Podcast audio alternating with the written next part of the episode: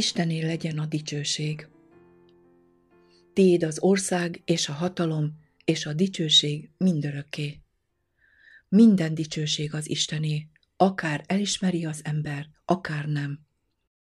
Dicsőséget adni nem azt jelenti, hogy valamit Istennek tulajdonítani, hanem elismerni a valóságot.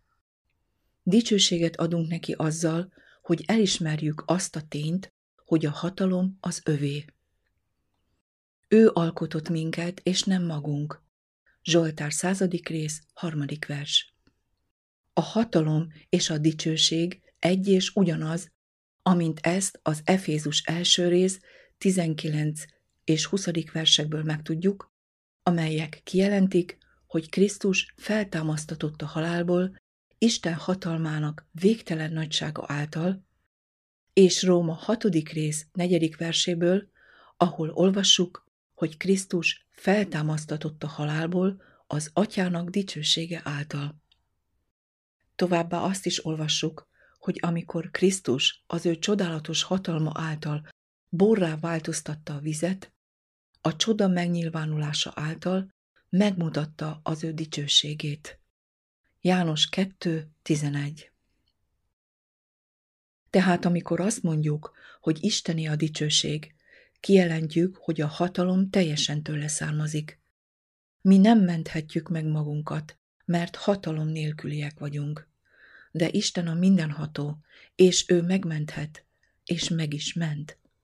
Ha megvalljuk, hogy minden hatalom Istené, akkor nem engedjük meg magunknak, hogy hiába való képzelődéseink vagy öndicsőítéseink legyenek, és akkor Isten megdicsőül bennünk. Úgy fénylék a ti világosságotok az emberek előtt, hogy lássák a ti jó cselekedeteiteket, és dicsőítsék a ti mennyei atyátokat. Máté 5. rész, 16. vers Az örökkévaló evangélium utolsó hirdetése, az, amelyik hirdeti, hogy eljött Isten ítéletének órája, a következő üzenetet tartalmazza.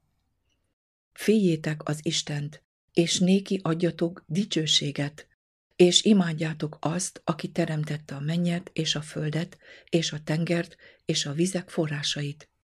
Jelenések 14, 6.-7. vers.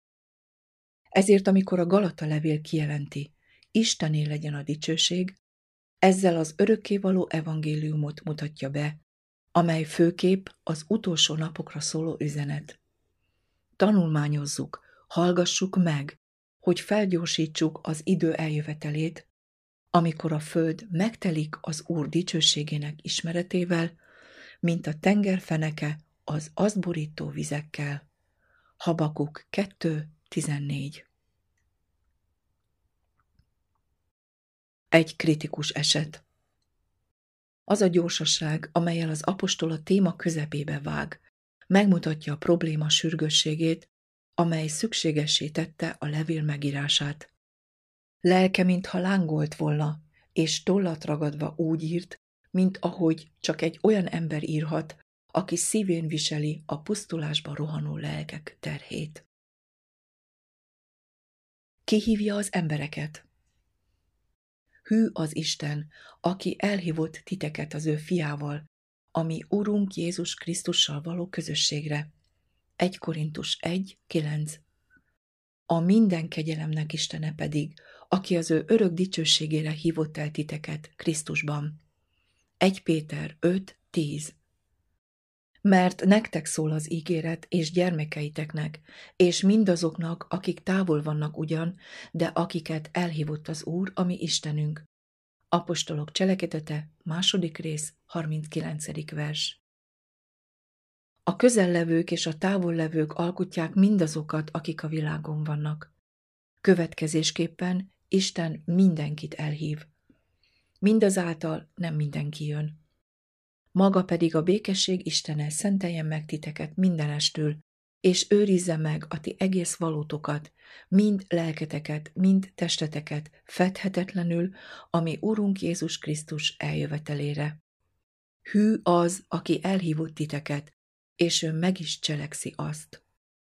1 Tesszalonika 5. rész 23.-24. vers Isten hívja az embereket. Eltávolodva Istentől Mivel a galatabeliek eltávolodtak attól, aki elhívta őket, és mivel Isten az, aki irgalmasan hívja az embereket, nyilvánvaló, hogy ők Istentől távolodtak el. Látjuk, hogy nem valami jelentéktelen dolog késztette az apostolt a levél megírására. Pálapostól hittestvéreit halálos veszély fenyegette, és nem tölthette idejét bókokkal, hanem a lehető leggyorsabban rá kellett térnie a témára, és azt a lehető legvilágosabban és közvetlenül kellett bemutatnia. Talán jó lenne röviden megemlíteni, hogy azt tartják, hogy Pálapostól úgy tekintett magára, mint aki személyesen elhívta a galatabelieket, és hogy most tőle távolodnak el. Egy rövid elemzésnek meg kellene győznie mindenkit arról, hogy ez az elképzelés téves. Elsősorban vegyétek figyelembe a fent bemutatott bizonyítékot, amely szerint Isten az, aki a hívást intézi.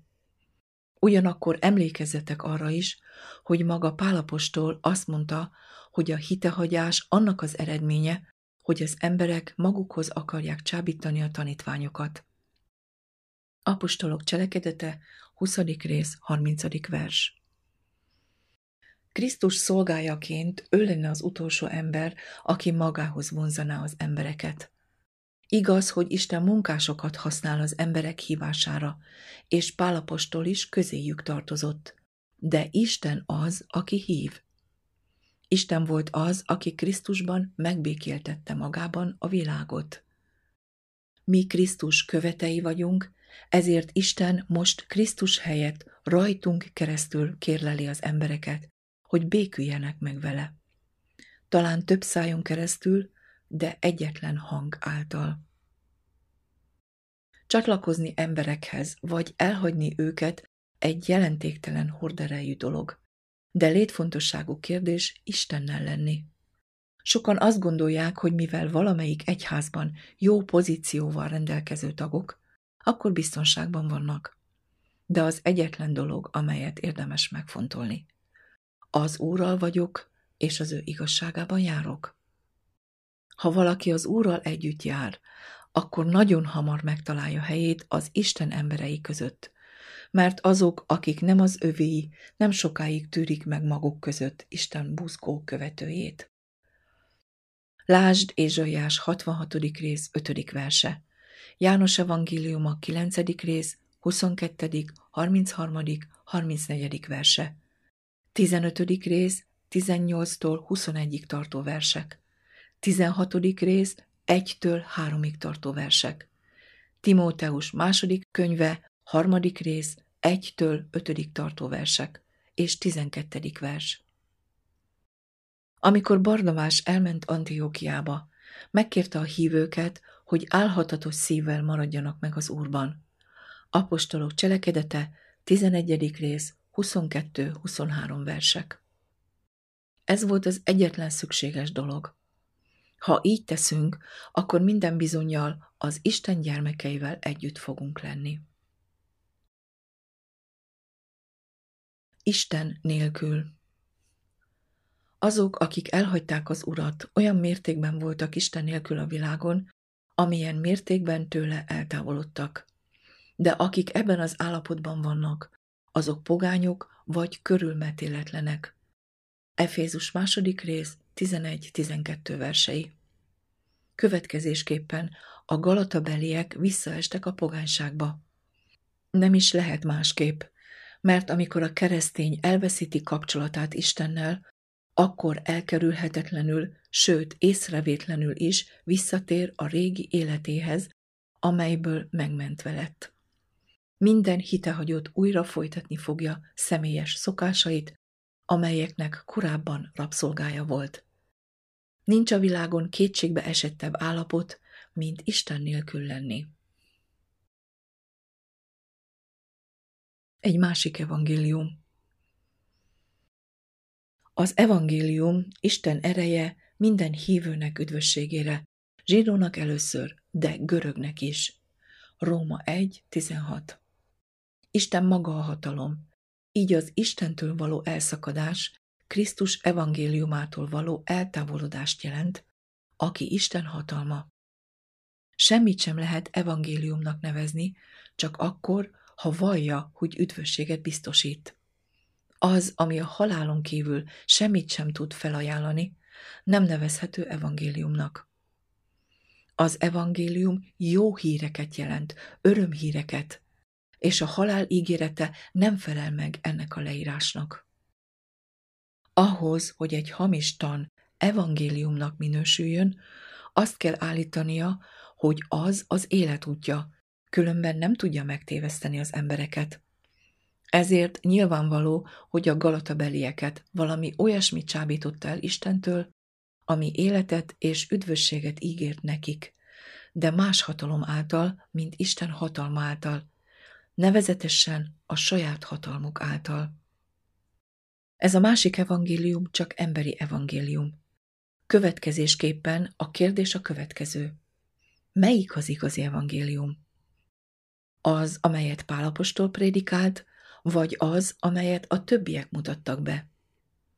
Így látjuk, hogy ez a levél az igaz evangélium hangsúlyos bemutatása, amely különbözik minden hamis evangéliumtól. Nincs más evangélium. Mint ahogy Jézus Krisztus Isten egyedüli hatalma, és nem adatott az embereknek az ég alatt más név, amely által üdvözülhetnének, ugyanúgy nem lehet más, csak az egy igaz evangélium. A hatalom az Istené, és csak az övé. Lásd Zsoltár 62. rész, 12. vers. Az utánzás nem ér semmit. A maszk nem az ember. Ugyanígy ez a másik evangélium, amelyhez csábították a galatabeli testvéreket, csak egy romlott evangélium volt, egy hamisítvány, egy utánzat, és nem az igazi evangélium. Egyes fordítások így adták vissza a hatodik és hetedik verseket. Csodálkozom, hogy így hamar eltávolodtatok. Egy másik evangéliumhoz, bár nincs más. Mivel nincs más evangélium, azt jelenti, hogy soha nem létezett más evangélium, mert Isten nem változik. Az evangéliumot, amelyet Pálapostól hirdetett a galatabelieknek és a korintusiaknak, Jézus Krisztust a megfeszítettet, az az evangélium volt, amelyet Énok, Noé, Ábrahám, Mózes és Ézsaiás hirdettek. A proféták mind róla tesznek bizonyságot, hogy mindaz, aki hisz benne, bűnbocsánatot nyer az ő neve által. Apostolok cselekedete, tizedik rész, 43. vers.